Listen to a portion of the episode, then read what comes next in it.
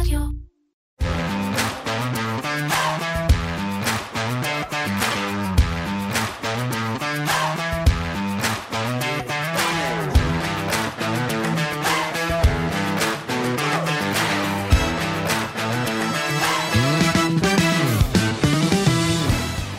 מצד אחד האינפלציה בישראל כבר מעל לחמישה אחוזים.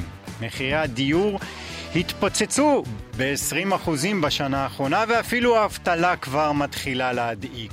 תוסיפו לזה את העובדה שנכון לכתיבת שורות אלו אין ממשלה מתפקדת, ובמקום שהוויכוח הפוליטי יהיה קשור לכמה יקר לנו בסופר, הפוליטיקאים שלנו מתרכזים בחוקים שהגיעו מנורבגיה. תחברו את כל זה וקיבלתם לא מעט סימני שאלה מדאיגים. אז עכשיו השאלה הגדולה היא שאלת מיליון הדולר או מיליון השקלים, איך שאתם רוצים. לאן הולכים מכאן?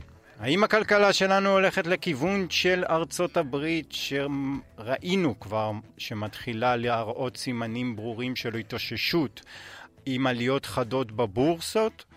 או שהכיוון הוא יותר לאירופה ובריטניה עם אינפלציה של מעל 11 אחוזים, וממשלה שלא ממש יודעת מה לעשות.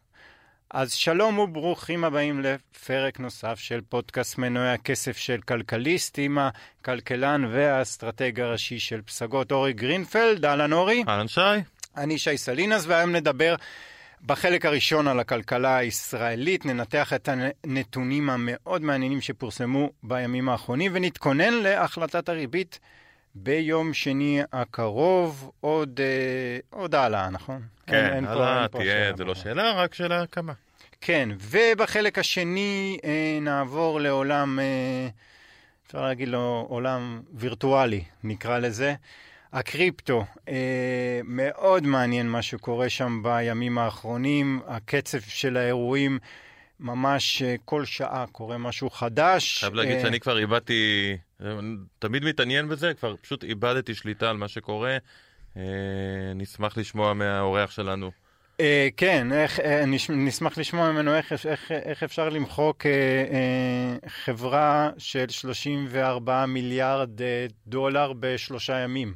מסתבר שזה קל. כן, יכול להיות. ובחלק השלישי יש לנו כרגיל את הפינות הקבועות שלנו של הולכים לשוק והדבר המוטרף. טוב, בואו נתחיל לדבר על ישראל. ואנחנו... מה הנתון הראשון שנתחיל לדבר מה, אה, מהאינפלציה שיצא לנו? אנחנו מעל חמישה אחוזים. אתה אמרת פה לא פעם ולא פעמיים אה, בחודשים הקודמים שכן, נגיע עד סוף השנה לחמישה אחוזים. אכן הגענו וכבר אנחנו עוברים. אבל אתה יודע מה, בשבוע שעבר דיברנו פה על האינפלציה האמריקאית ואמרנו, אתה יודע, הוצאנו אוויר ואמרנו זה כבר אחרי השיא, ופה אפשר להגיד את זה? כן, גם כן. פה? לא, אה, פה אנחנו לא אחרי השיא, והשיא בישראל כנראה יהיה, אלא אם כן יהיו הפתעות גדולות, אה, רק בינואר נגיע לשיא של האינפלציה, כנראה יהיה באזור של ה-5.4 אחוזים. אה, ויש לזה סיבה די הגיונית וברורה, כי כשדיברנו על האינפלציה בארצות הברית, אז דיברנו כל הזמן על זה שמצד אחד האינפלציה של אותם גורמי היצע, עליית מחירי הרכב, בעיות השינוע, כל הסיפורי קורונה, הרי הם יצרו אינפלציה מאוד גבוהה, ומה שקורה עכשיו בארצות הברית, שהאינפלציה הזאת הולכת ויורדת, אבל האינפלציה של הביקוש משוק העבודה הולכת ועולה. העניין הוא שבארצות הברית המש... המשקולת שמורידה את האינפלציה הייתה כל כך חזקה וכל כך כבדה, שהיא סוחבת את כל המדד כולו כלפי מטה, כשבישראל הסיפור של צד ההיצע לא היה מאוד משפיע מלכתחילה. לכן גם האינפלציה פה הייתה כל הזמן פחות גבוהה, ועדיין פחות גבוהה מאשר בארצות הברית, כי בישראל לא ראינו למשל את מחירי הרכבים מיד שנייה עולים ב-50%. הם עלו, אבל לא ב-50%. אז זה עלה פחות מהר, ועכשיו כשיש את השינוי הזה, את ה shifting מצד ההיצע לצד הביקוש, אז בישראל אנחנו, צד הביקוש הוא גם גדל, והכובד שלו אה, יותר משמעותי, ולכן האינפלציה כולה ממשיכה לעלות. אה, אגב, איפה שראינו את זה הכי טוב, שהמגמות הן כן אותן מגמות, זה למשל סעיף הדיור. גם בארצות הברית סעיף הדיור עדיין מאיץ, למרות שהאינפלציה כולה הולכת ויורדת. סעיף הדיור, אה, שכירות. סעיף הדיור, כן, צריך להגיד שבמדדי המחירים לצרכן, בארץ, בארצות הברית, באירופה, ברוב המדינות המערביות, הדרך למדוד את מחירי הדיור, צריך לזכור שמדד המחירים לצרכן הרי מודד כמה עולה סל הצריכה שלי, כמה עולה הסל של אה, עלות המחיה. אז דירה, הקנייה של הדירה זה לא עלות מחיה, אלא השירות שאני מקבל בזה שיש לי דירה.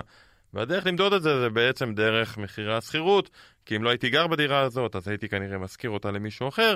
אז אנחנו רואים בישראל באמת שהסעיף הזה, סעיף הדיור, שהוא רבע מהמדד בארץ, שליש מהמדד בארצות הברית. אה, לא רק שהמחירים ממשיכים לעלות, הם ממשיכים לעלות בקצב שהולך וגדל כל הזמן, וב-12 חודשים האחרונים אנחנו מדברים על עלייה של 6.2. אה, בארצות הברית גם כן, הסעיף הזה, הקצב שלו הולך ומאיץ. עכשיו, כשאתה מסתכל מחוץ למדד המחירים לצרכן, על מחירי הדירות עצמן, אז גם, אתה רואה שעדיין הקצב הולך וגדל, אה, כולם ראו את הנתון הזה בתקשורת, הקצב השנתי, זאת אומרת ב-12 חודשים האחרונים, עלה ל-19.8, 20% עלייה במחירי הדירות. אבל כמו בארצות הברית, ודיברנו על זה שבוע שעבר, אז גם פה בארץ, זה עניין של כמה חודשים, וגם פה נתחיל להרגיש שזה האטה. הרי בשוק הנדל"ן עצמו, אתה מרגיש האטה. עשינו לזה סגמנט שבוע שעבר, אה, והיה על זה ויכוח, אבל בסוף, בשטח, אתה רואה בנתונים גם של הלשכה המרכזית לסטטיסטיקה, אתה גם בעצם קורא בין השורות של מה שאתה רואה בתקשורת, אתה מבין שהשוק קפוא, אתה מבין שהמחירים כנראה יחלו לרדת, אם לא כבר החלו לרדת, וזה ישתרשר באיזשהו שלב למחירי השכירות, גם אם לתקופה קצרה. זה ישתרשר למחירי השכירות, ומחירי השכירות ישתרשרו למדד המחירים לצרכן, ואז אנחנו נראה את האינפלציה מתחילה לרדת. אז המגמות בסוף, התחלנו מזה אם אנחנו כמו ארצות הברית, כן. או אירופה, אנחנו יותר כמו ארצות הברית. אירופה, האינפלציה ממשיכה לעלות לא בגלל שהכלכלה חזקה עדיין כמו בישראל, אה, או בארצות הברית, אלא בגלל כל נושא האנרגיה, שזה שם ההשפעה הכי גדולה, אה, וזה שונה ממה שאנחנו מרגישים פה. בארצות הברית ובישראל המגמות הן מאוד דומות, רק שבארצות הברית הירידה במחירים של אה, פוסט תקופת הקורונה היא כל כך חזקה שהיא מושכת את המדד כלפי מטה, מה שאין לנו פה, כי לא ראינו את, את אותה עלייה לפני כן. אה, בוא נדבר על טיפה על האבטלה.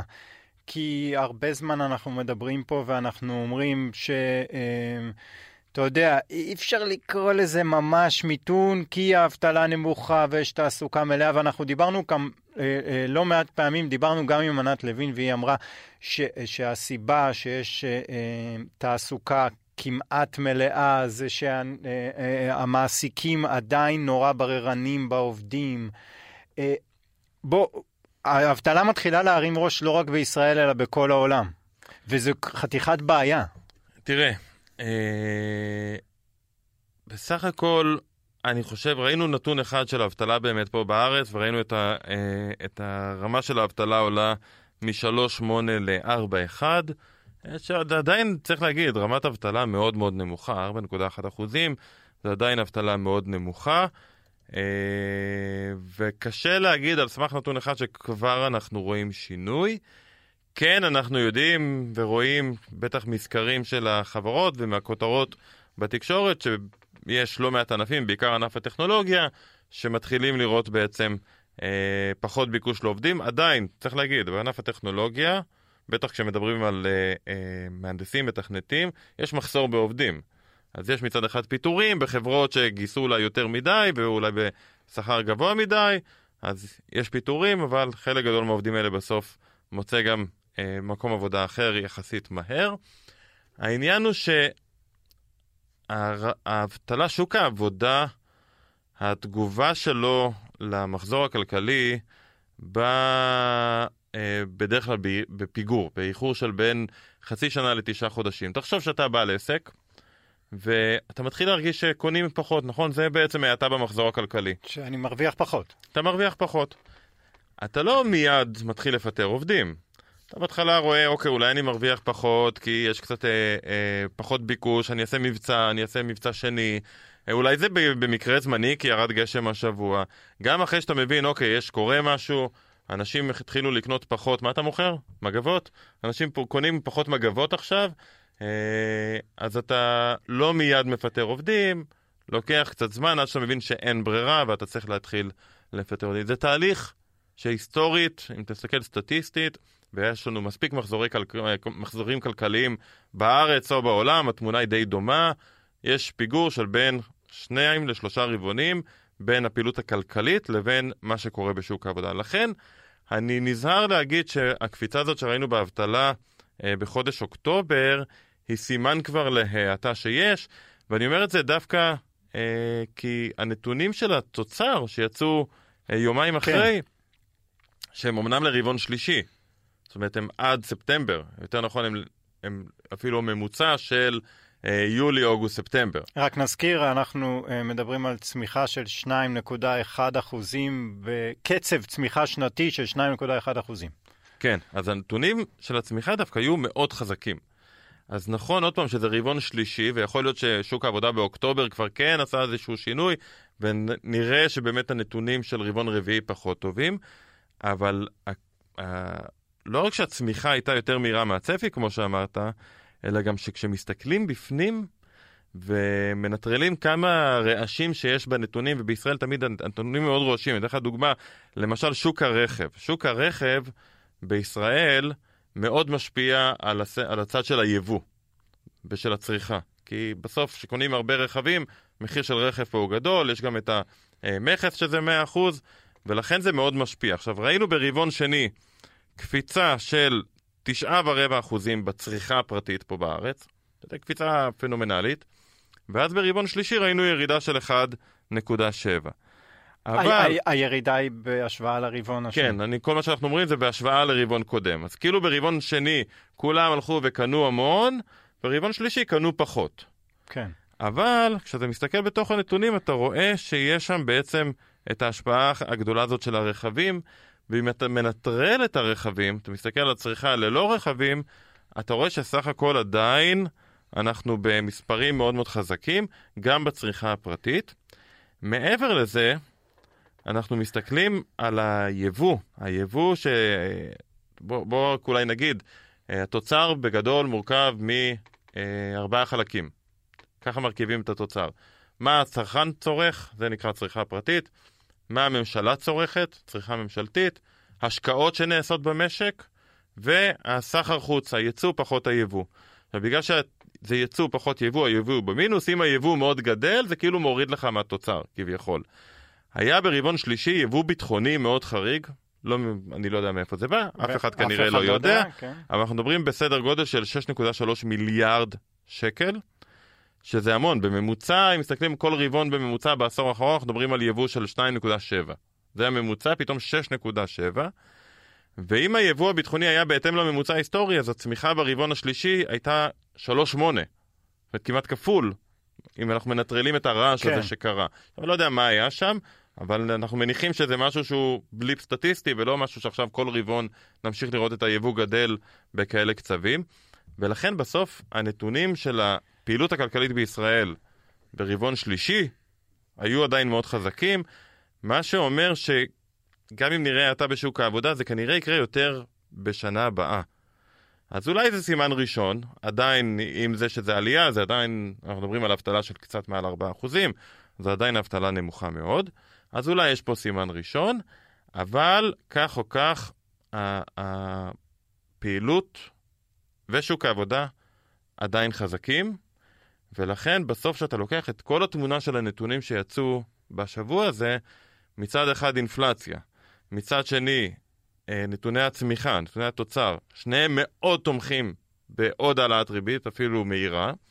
נתוני האבטלה כביכול טיפה מתנגשים בזה ואומרים, רגע, האבטלה עולה, אולי לא צריך למהר ולהעלות הריבית כל כך חזק. כי בנק ישראל, אם הוא רואה את האבטלה עולה, אומר אולי אני לא צריך לה... עוד יותר להקשות כן. על המשק. אבל כשאתה אומר זה נתון אחד ולא בטוח שהוא מלמד, אני חושב שכמו שאמרת, בטח שנראה העלאת ריבית של בנק ישראל, ואני חושב שהסיכוי שנראה עוד שלושת רבעי אחוז הוא די גבוה. אז עכשיו אנחנו על ריבית של 2.75 אחוזים. אתה אומר, אה, אה, אה, אתה אומר, ההערכות הן שאנחנו נראה את הריבית בשלושה וחצי אחוזים, בשלושה כן, ורבע כן. אחוזים. היום, היום כי ראיתי סקר שנעשה על ידי רויטרס, שבעצם אוספים מכל החזאים אה, את ההערכות שלהם, אה, וראיתי שיש רוב של אה, תשעה אנליסטים שחושבים שהריבית תעלה בחצי אחוז, ושישה שחושבים שהיא תעלה בשלושת רבעי. אז הרוב הוא לחצי אחוז, אני חושב שאם זה יהיה שלושת רבעי לא נהיה מאוד מופתעים, גם, אתה יודע, הסקר הוא לא קיצוני, זאת אומרת, שלושת רבעי אחוז זה תרחיש בהחלט סביר, גם אם עדיין לא הרוב, אה, ואז נגיע לריבית של שלוש ורבע או שלוש וחצי. שבטעות לא, הריבית פה לא תגיע לרמה גבוהה יותר מאשר בארצות הברית. אבל פה הנקודה היותר מעניינת, כי גם זאת לא תהיה העלאת הריבית האחרונה. וזו העלאת ריבית של דצמבר, אה, סליחה, של אה, נובמבר, העלאת הריבית הבאה בדצמבר אין, יש בשני בינואר, העלאת ריבית נוספת, וגם שם כנראה הריבית תעלה, אולי בפעם האחרונה, ואז נגיע נגיד לריבית של 4% לצורך העניין.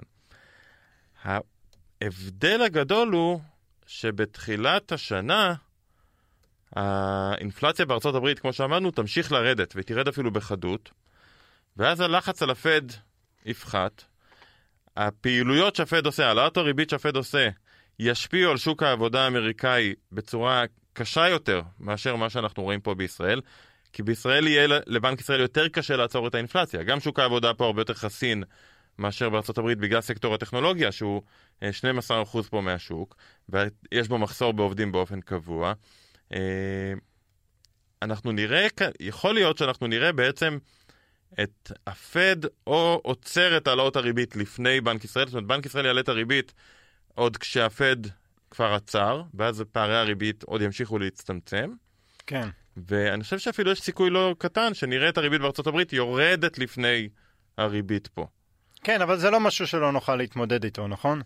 ההפך הוא הנכון. בעולם נורמלי הריבית בישראל גבוהה יותר מאשר הריבית אה. בארצות הברית. כן. המדינה, המשק הישראלי אה, בעולם נורמלי הוא משק עם יותר אי ודאות, עם צמיחה הרבה יותר מהירה מאשר בארצות הברית. מתי היינו בעולם נורמלי? לפני 15 שנה. אה, כן. אני לא זוכר, עד כן. 10 שנים אני זוכר. היו לנו פה 15 שנה שהאינפלציה כל הזמן הייתה יותר נמוכה מאשר בארצות הברית. היו לנו פה כמה שנים רצופות של אינפלציה שלילית. נכון שהמחירים היו מאוד גבוהים, אבל הם הלכו וירדו במשך כמה שנים, כי היו רפורמות והממשלה עשתה כל מיני דברים, אה, ולכן הריבית פה הייתה אפס במשך שנים, גם כשבארצות הברית העלו אותה. אה, אבל במצב עולם רגיל, לפני זה, הריבית פה אמורה להיות יותר גבוהה. תאורטית היא אמורה להיות יותר גבוהה, זה בכלל לא שאלה. אוקיי, אה, אנחנו נצא להפסקה עם אה, פרל ג'ם ונחזור. תודה רבה שחזרתם אלינו, אנחנו עם אורי ארדמן על הקו. אהלן אורי. היי חברים, מה שלומכם? בסדר, תודה. אנחנו כל פעם, אנחנו כל הזמן, כל פעם מדברים איתך שאנחנו לא מבינים משהו. כן, ככה זה נראה. כן. כן, אבל הפעם זה באמת מוגזם. זאת אומרת, בדרך כלל אה, אני עוקב אחרי הדברים, והקצב שהדברים קרו, אה, פשוט אה, איבדתי את זה באיזשהו שלב. אה, אז אולי אה, תתחיל בשאלה, שי, ששאלת, שאלה הכי חשובה. איך אפשר למחוק שווי שוק של חברה 34 מיליארד דולר זה היה? בסוף שבוע אחד. כן, אז אה, האמת היא שזה יותר גרוע מזה. כי uh, אתה מדבר על השווי של FTX, על ה-Enterprise Value, צריך לזכור שככל הנראה נמחקו גם עשרה מיליארד דולר של יוזרים. אה, ומה שקרה זה שאחד ה exchange ים הכי גדולים בעולם, FTX, אה, למעשה קרס. קרס בנסיבות די טרגיות, כנראה כתוצאה מאיזשהו אירוע של fraud. אני, אני רק רגע רוצה להבין, exchange שאתה אומר, הכוונה היא שאני אה, כלקוח פרטי רגיל משלם דולרים, מקבל תמורת זה ביטקוין, וזה הפעולה שה exchange עושה, שהבורסה הזאת עושה? נכון, זו זירת מסחר שמאפשרת להמיר קריפטו לפיאט או קריפטו לקריפטו, אה, ובזירת מסחר הספציפית הזאת לא היו רק יוזרים, כאילו retail investor, היו גם אה, קרנות גידור ותאגידים אחרים. זאת אומרת, זה היה פתוח להרבה מאוד שחקנים. הם, הם, הם, הם בעצם היה, וחלק מהחברה הזאת, הם עשו פשוט סיבובי אה, גיוס אדירים, נכון? 900 מיליון דולר, אם אני... אז, אז כן, FTX היא גייסה אה, למעלה ממיליארד דולר אה, מהקרנות הכי הכי הכי גדולות וטובות בעולם, היא גייסה מסקויה ומטייגר גלובל ומטימאסק ומסופטבנק ועוד רבים וטובים, כן, היא ממש מהקרנות הכי הכי טובות בעולם וסכומים של למעלה ממיליארד דולר. אוקיי, okay, אז עכשיו אתה אומר, היה לנו fraud שם, ב... כנראה, לכאורה כמו שאומרים, היה לנו fraud בבורסה, אה, וכתוצאה מה fraud פשוט אנשים איבדו כסף, ואז גם כל הבורסה הזו קורסת והחברה לא שווה יותר מדי. שזה מעלה המון סימני שאלה על עולם הקריפטו בכלל, בהשוואה לעולם הרגיל שבו יש רגולציה. זאת אומרת, זה לא, לא עושים בכזו קלות אה, fraud בבורסה גדולה בעולם. אז אה, אתה צודק במאה אחוז.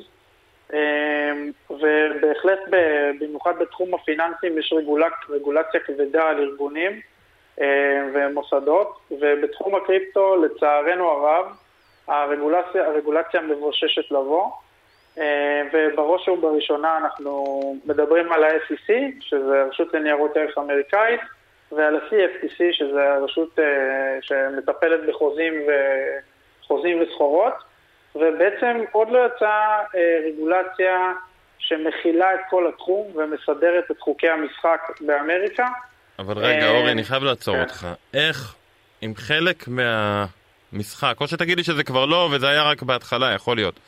חלק מהרעיון של קריפטו והביזוריות של הקריפטו היא שאין בעצם גוף אחד שיש לו נתונים על כל מה שמישהו מחזיק, כמו שיש למשל המפקח על הבנקים, שמקבל מהבנקים אה, מידע על חשבונות הבנק של כולם.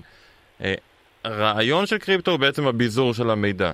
איך אפשר לעשות רגולציה כשאתה לא רוצה שהרשות לניירות ערך בעצם תדע כמה ביטקוינים יש לך וכמה איתריומים וכמה דודג' קוין וכמה כל מטבע אפשרי אתה מחזיק בארנק אה, משלך?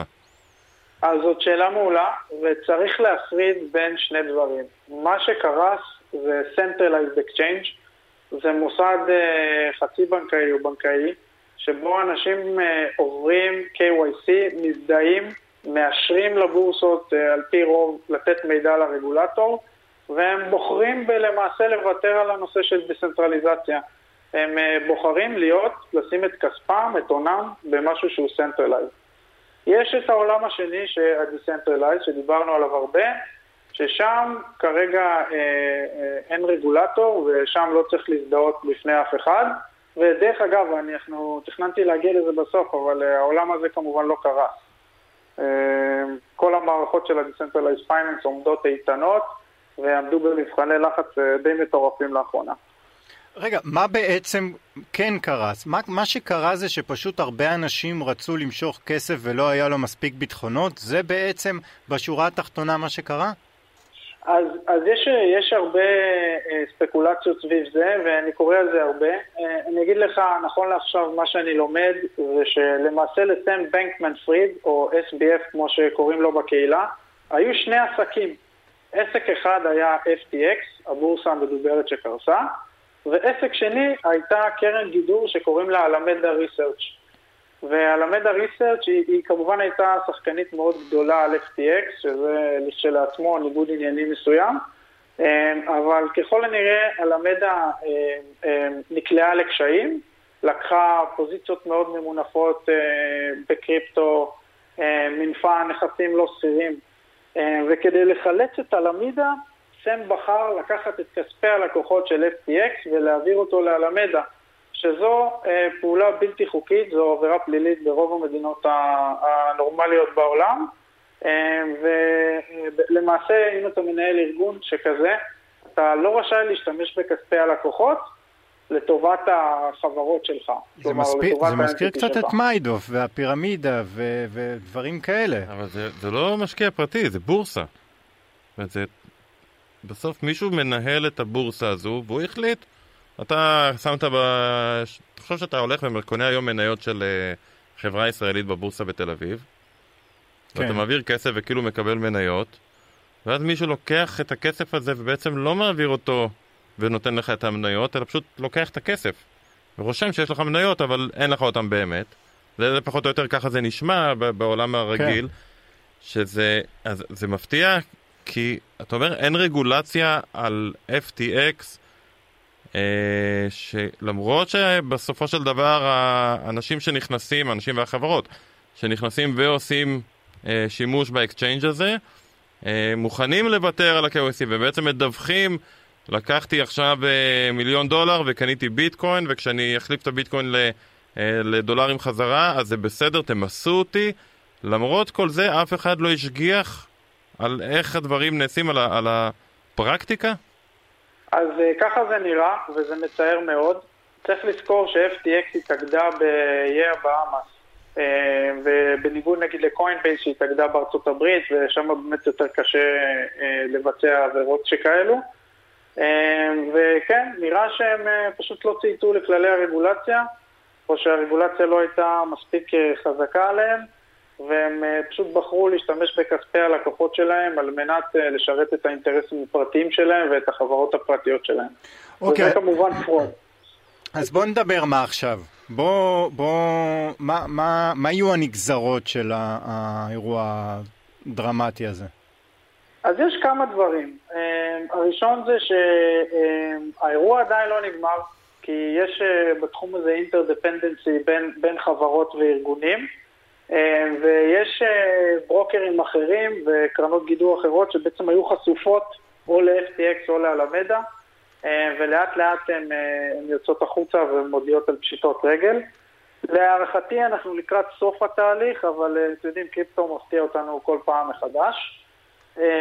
אני חושב שקדימה אנחנו מסתכלים על רגולטורים שככל הנראה הולכים להאיץ את הקצב שבו הם, הם מתכננים לרגלץ את התחום. ואנחנו נראה אה, בשנים הקרובות הרבה הרבה הרבה הרבה יותר רגולציה אה, והרבה יותר פיקוח על הנעשה בתוך התחום הזה. אה, ואנחנו כמובן בתוך הקהילה, או לפחות רוב הקהילה מחכה לזה. הדבר השני שאנחנו רואים כרגע זה בעצם ב-2020-2021 התחום גייס עשרות רבות של מיליארדים של דולרים מהקרנות הכי גדולות בעולם. וממשקיעים אה, מוסדיים מסביב לעולם, ואנחנו רואים קצת אה, עצירה של כל אותם אה, שחקנים, והם קצת מתיישבים על הגדר ומנסים להבין מה קורה. אז זה הדבר השני, שזה כמובן גורר שינוי בסנטימנט וירידה בווליומים וירידה בהשקעות, ובסופו של דבר מאט את ההתקדמות של, ה, של התעשייה. והדברים האלה גם קשורים אחד לשני. אני, אני עוד פעם, בהסתכלות של משקיע אה, מעולם הרגיל, משקיע מוסדי לצורך העניין, אם הרגולציה לא תשתלט על זה, אין סיכוי לחברות לגייס כסף מקרנות אה, הון אה, סיכון או, או hedge funds או משקיעים מוסדיים. אה, פשוט יהיה בלתי אפשרי. אני נוטה להסכים איתך. אה, אנחנו כן רואים שדווקא ארגונים שמאוגדים באירופה או בארצות הברית כן נשארו על הרגליים ו... אה, להם יותר אחריות כלפי הלקוחות שלהם והכספים שלהם, אבל אה, נדרשת כאן מעורבות. אורי, אני רוצה רגע לשאול אותך מהזווית, ה... מהזווית שלך. תגיד, איך יכול להיות ש... שקרן, קרנות כל כך גדולות, בוא נגיד, לא יודע מה, טייגר גלובל, איך יכול להיות שהם שמים כסף בגיוס כזה, ואתה יודע, מתחת, ל, מתחת לאף שלהם, הבעלים של החברה לוקח ל, את הכסף של הלקוחות ל, לחברה פרטית אחרת שגם בבעלותו. איך יכול להיות ש... אתה יודע, זה כמה, טייגר גלובל מעל 100 מיליארד דולר בוודאי מנהלת. תראה, פרודים תמיד היו ו- וכנראה לצערנו תמיד יהיו, אבל צריך לזכור. אה, ולא תמיד... כן. לפעמים שה fraud הוא כזה... באמת בן אדם אחד שמנהל את כל הסיפור הזה, גם מאוד קשה לעלות עליו. למרות שעוד פעם, כמשקיע אתה אמור לבדוק את הסיכונים שיש להשקעה שלך, לראות שאין שום רגולציה במקום הזה שאתה נכנס אליו, ולפחות להמציא, אה, לפתח איזה שהם כלים שיאפשרו לך להיות ה-so called רגולטור אה, ולבקר את הפעילות של האירוע. אבל עוד פעם, אם זה בן אדם אחד שיש לו את החברה הזאת, והוא מנהל את כל הבורסה הזו, והוא מחליט יום אחד שהוא מתחיל להעביר כסף. זה, זה, פרודים זה, זה לא, זה משהו שלפעמים אתה לא באמת יכול לעלות עליו בזמן.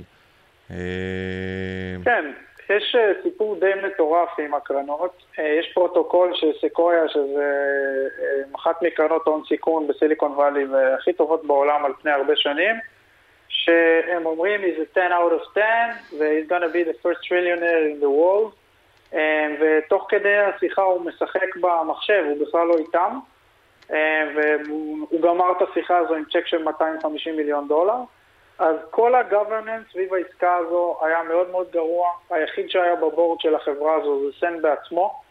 אמ, לא היה חברי board אחרים. ויש המון שאלות סביב ה due diligence שנעשה על ההשקעה הזאת, אבל אמ, אתם יודעים, 2021 הייתה שנה די מטורפת בעולם. אמ, ואלו ההשלכות? QE וריביות אפס תדלקו את השוק בהרבה מאוד כסף זול, ואלה התוצאות של זה.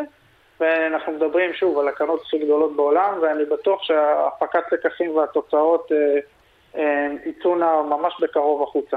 כן, וצריך לזכור עוד פעם שכמשקיע, ואני לא בא לסנגר פה על אף אחד, שיהיה ברור, אבל כשאתה עושה השקעה, אתה תמיד לוקח בחשבון את ה, אה, בעצם משוואה של סיכון מול סיכוי. אם אתה רואה סיכוי של רווח של עשרות אחוזים בשנה, לצורך העניין, אתה יכול להגיד, אני מבין שיש פה סיכון מטורף, אבל אני חושב שיש פוטנציאל תשואה מאוד מאוד גבוה, ואני מוכן לעשות את ההשקעה הזו. עוד פעם, אני לא מסנגר, וכנראה שבאמת הגוורננס פה לא היה כמו שצריך, כמו שקרה בכל כך הרבה תחומים, כמו שאורי אמר, בשנים האחרונות, אפילו בתחומי החוב.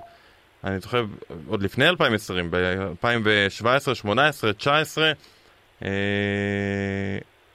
אתה ראית המון הלוואות שניתנו, עם הרבה פחות ביטחונות ממה שהיה נהוג, כי הריביות היו כל כך נמוכות. שבהם אמרו בוא תן לי עוד חצי אחוז ריבית, אני אוותר לך על 1, 2, 3. וכמשקיע אתה, זה בסדר לקחת יותר סיכון כדי להשיא תשואה יותר גבוהה, רק שהתשואות האפסיות שהיו במשך הרבה זמן, צריך לזכור, שוק האג"ח נסחר בתשואות מאוד נמוכות, הריביות בבנקים היו מאוד נמוכות, אה, מ-2012 למעשה, אה, וזה הביא כל הזמן את המשקיעים בכל העולם לעשות עוד צעד כלפי סיכון ועוד צעד כלפי סיכון כדי לקבל עוד קצת תשואה ועוד קצת תשואה, כי לא היה מאיפה להביא תשואה. ובסוף כשהריביות עולות, תמיד אומרים, אה, מתחילים להבין איפה הסיכונים היו גדולים מדי. כן. אה, אורי, אבל אני כן רוצה לסיום אה, לשאול אותך אה, לגבי, אה, טוב, קצת קשה לי לשאול על תחזית, לאן הולך כל השוק הזה עוד הרבה שנים, אבל אתה יודע מה, כי, כי התחזיות הן, אה, יש כאלה שיגידו אה, אה, זה הסוף של הקריפטו, ויש כאלה שיגידו בדיוק ההפך. אני רוצה להבין ממך איפה אתה חושב שיהיו התחומים היותר מעניינים בתקופה הקרובה והרחוקה? לאן, איפה השוק הזה יתמקד? כי יש תחושה שהוא, פיזור היה יותר מדי גדול. אבל אורי, אני, עוד, עוד הערה קטנה. אה, אם, אתה, אם זה בתוך התשובה אז נהדר, ואם לא אז גם תתמקד בשאלה של אה, איך, האם דבר כזה יכול לקרות, או מה הסיכונים שיש, אולי סיכונים אחרים, בעולמות של אקסצ'יינג'ים uh, שהם DeFi, uh, uh, שהם לא שייכים לאף אחד, ואין אף אחד שמנהל אותם ויכול פשוט להעביר כסף. אולי יש דרך אחרת להעביר שם כספים ולעשות פרודים. Uh, בבקשה, כן. סתם, שתי שאלות אז, זרקנו עליך. כן, אז נתחיל מה DeFi, ששם אני שוחה. Uh, הוא עמד במבחן לחץ של 2.2 טריליון של uh, פשוט uh, כסף שהת... אה, נמחק מהשוק וירידה בשור, בעצם ב market cap של כל שוק הקריפטו אה, והמערכות של ה-Decentralized Finance עמדו בהן ב-100%, אפילו לא אחת קרסה אה, ואני חושב שזה סימן לבאות. בעצם כשאפליקציית DeFi עולה לרשת, אז על פי רוב השליטה בה עוברת ליוזרים או לקהילה או לאיזשהו מנגנון ש... של קוד שבעצם עוזר באכיפה של כל, ה, של כל הדברים הרעים שיכולים לקרות דווקא ב centralized. אז ה-DeFi uh, מקבל ציון די גבוה, um, יש innovation מטורף שקורה עליו, um, יוצאות כל יום אפליקציות חדשות והוא מראה resilience מאוד גבוה. צריך לזכור שיש בעולם 1.8 מיליארד אנשים שאין להם חשבונות בנק ואין להם גישה לכסף דיגיטלי בכלל. אה, וזה אולי לשאלה השנייה, לאן זה הולך. אז אני רואה שלושה דברים. אחד, זה CBDC, שזה אומר שמדינות בעצם יעשו את ה-currency שלהם על הבלוקצ'יין, זה יכול להיות על אתריום או על רשת אחרת, אבל, אבל נראה שלשם זה הולך. ויש כל מיני פיילוטים מסביב בעולם, מסביב לעולם, ויש גם מדינות שמתחילות ממש לעשות טסטים של זה. הדבר השני זה כמובן ה-DeFi, שזה בעצם יכול להיות מקפצה לאנשים שאין להם חשבונות בנק, ממש כמו שסמארטפון היה מקפצה לאנשים מסביב לעולם אה, לקפוץ מעל הלפטופ. אה, וזה הולך ומתפתח. והדבר השלישי, ששם באמת, אה, זה, זה כמובן עקב, זאת אומרת, עקב בצד אגודל עם הרגולציה, זה איך הדבר הזה הופך להיות אסט קלאס, איך זה נכנס לתיקי השקעות של מוסדיים. ואיך לומדים לשערך את הדברים האלה ולהגיד כמה הם שווים, ושם אני חושב שנמצאים הסימני שאלה הגדולים כרגע. אמ, אני כמובן אעדכן אתכם בהתפתחויות, אבל אה, אנחנו צריכים רגע לראות איך השוק מוצא שיווי משקל אמ, ואיך אנחנו ממשיכים מפה. אוקיי, אה, אורי ארדמן, אה, יזם ומשקיע בתחום הקריפטו והון סיכון, תודה רבה לך, כיף לדבר כרגיל. תודה רבה, תודה אורי. הולכים לשוק.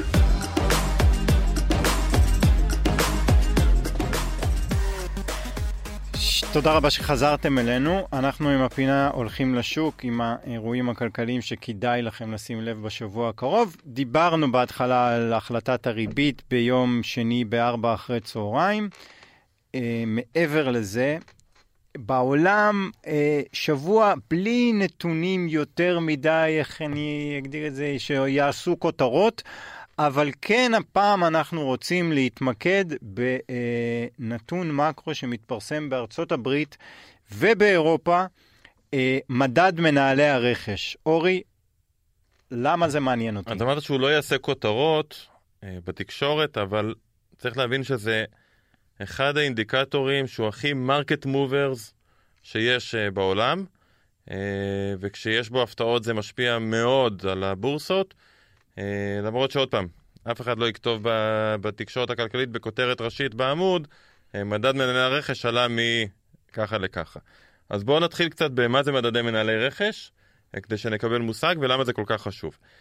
מדד מנהלי הרכש זה מדד שכשהוא נוצר, הרעיון היה בעצם בואו נעשה סקר אצל מנהלי רכש בכל מיני חברות בתעשייה, ונשאל אותם אוסף של שאלות. למשל, האם המלאי שלכם גדל בשלושה חודשים האחרונים? האם אתם מתכוונים לגייס עוד עובדים בחודשים האחרונים? האם uh, אתם מתכוונים להעלות מחירים? עוד ועוד שאלות בעצם על הפעילות של החברה. השאלות האלה עונים ב... Uh, כן, כן, יש סולם כזה, אה, נגיד בין 1 ל-5, ובסוף בעצם אנחנו מקבלים מדד שנע בתיאוריה בין 0 ל-100. אוקיי. Okay. כשהנקודת האמצע שלו היא 50, מעל 50 זה אומר שרוב העונים בסקר אמרו למשל שהם כן מתכוונים להעלות מחירים, מתחת ל-50 רוב העונים בסקר אמרו שהם לא מתכוונים, שהם מתכוונים להוריד מחירים, 50 זה נקודת האמצע. ועל אף שמדובר ב... בסוף בסקר, זה לא אמור להיות משהו מאוד מתוחכם, שיש לו יכולת חיזוי, זה אחד המדדים שהכי מתואמים בסופו של דבר עם הצמיחה הכלכלית. רגע, שנייה רגע, לפני, אני יכול... אה, אז זאת אומרת שאפשר להגיד שכאילו הבנצ'מרק הוא 50? כן, 50 נקודת זה אומר... האיזון? 50 זה בעצם אומר אין שינוי לעומת התקופה הקודמת. כן. מעל 50 זה אומר יש שיפור, מתחת ל-50 זה אומר יש בעצם הרעה. זה, okay. זה אוקיי. בעצם הרעיון.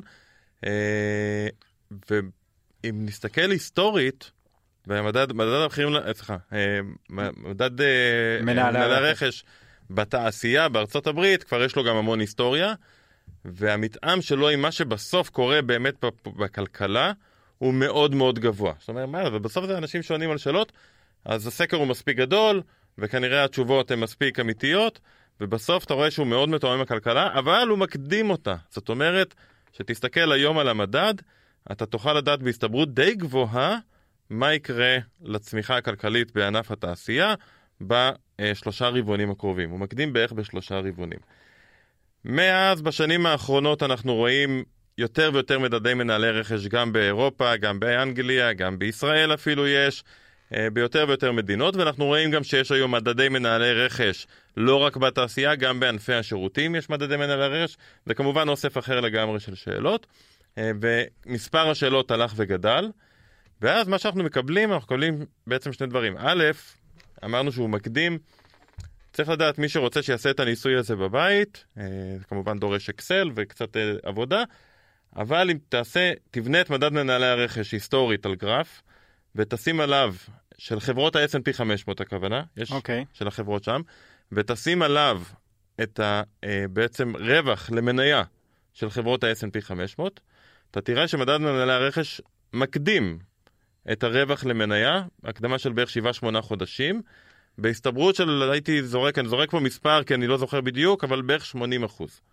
זאת אומרת שתראה מה קורה היום למדד מנהלי הרכש, אתה יודע בהסתברות מאוד גבוהה מה יקרה ל-EPS הממוצע של ה-S&P 500 תוך שמונה חודשים.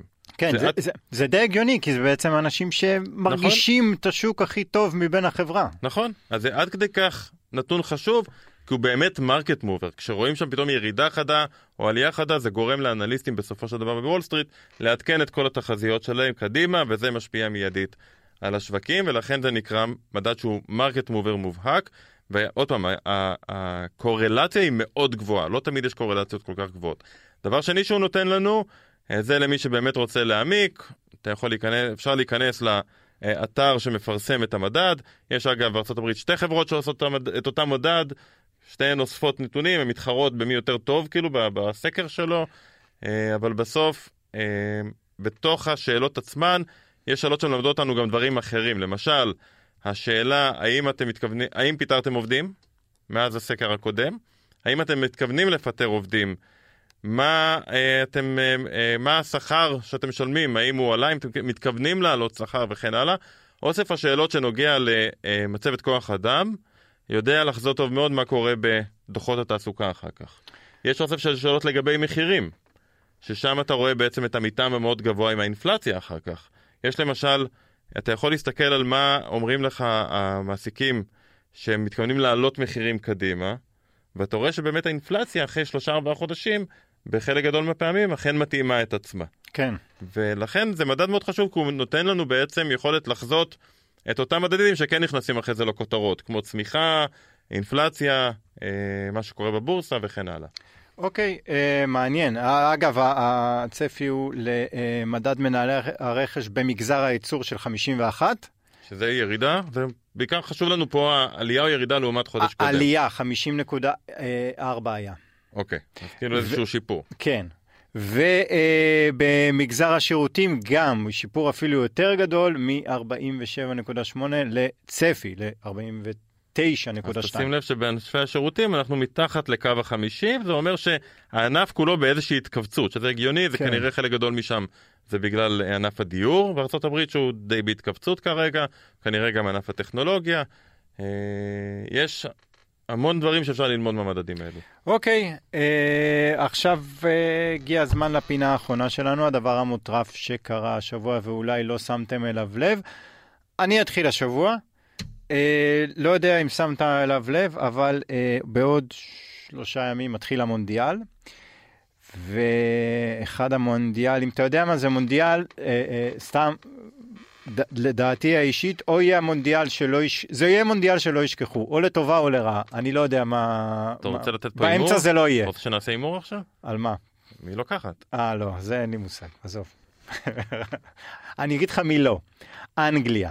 עכשיו, הממשלה באנגליה אה, אה, פרסמה השבוע הוראות לאוהדים הבריטים מה מותר ומה אסור. הרי קטר אחת המדינות הכי אה, דתיות שיש. וזה ההוראות הרשמיות שלהם. אסור סמים, אוקיי. אלכוהול, אסור להיות שיכורים או שטויים ברחובות, מותר לשתות רק באזורים כמו ברים ובאיצטדיון במקומות ספציפיים. שיהיה להם בהצלחה עם זה. כן, במיוחד במשחקים של אנגליה. כן.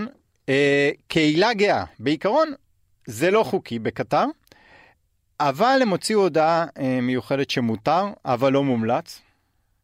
אה, פורנוגרפיה אסורה בשום מצב, בשום מקום. חזיר אסור, בשום סיטואציה שהיא. ספרי דת לא להביא. מי שמקלל בציבור יגורש מהמדינה או יעמוד ל... ויעמוד למשפט, ובטח ובטח שלא בסביבת שוטרים. אה, לבוש, להתלבש צנוע, נשים לכסות כתפיים. לא 50 מעלות שם? ובלי שמלות. כן, אתה יודע מה, בין זה לבין מה שיקרה בפועל, אני חושב שיש שינו... אה, פער, אבל אה, נחיה ונראה. שיהיה בהצלחה לכל מי שנוסע. אני הבאתי משהו מעולם אחר לגמרי, לפעמים אני כל הזמן עוקב לראות מחקרים חדשים ומעניינים שיוצאים. ולפעמים קופץ איזשהו משהו באמת יוצא דופן. אז אה, באמת אה, השבוע מצאתי איזשהו מחקר שהתפרסם. אה, הוא התפרסם לדעתי בשבועיים האחרונים, באוקטובר, סוף אוקטובר, ובמחקר הזה בא החוקר ואסף נתונים על סטודנטים להנדסה בשוודיה, ובעצם הוא בדק את הציונים שלהם.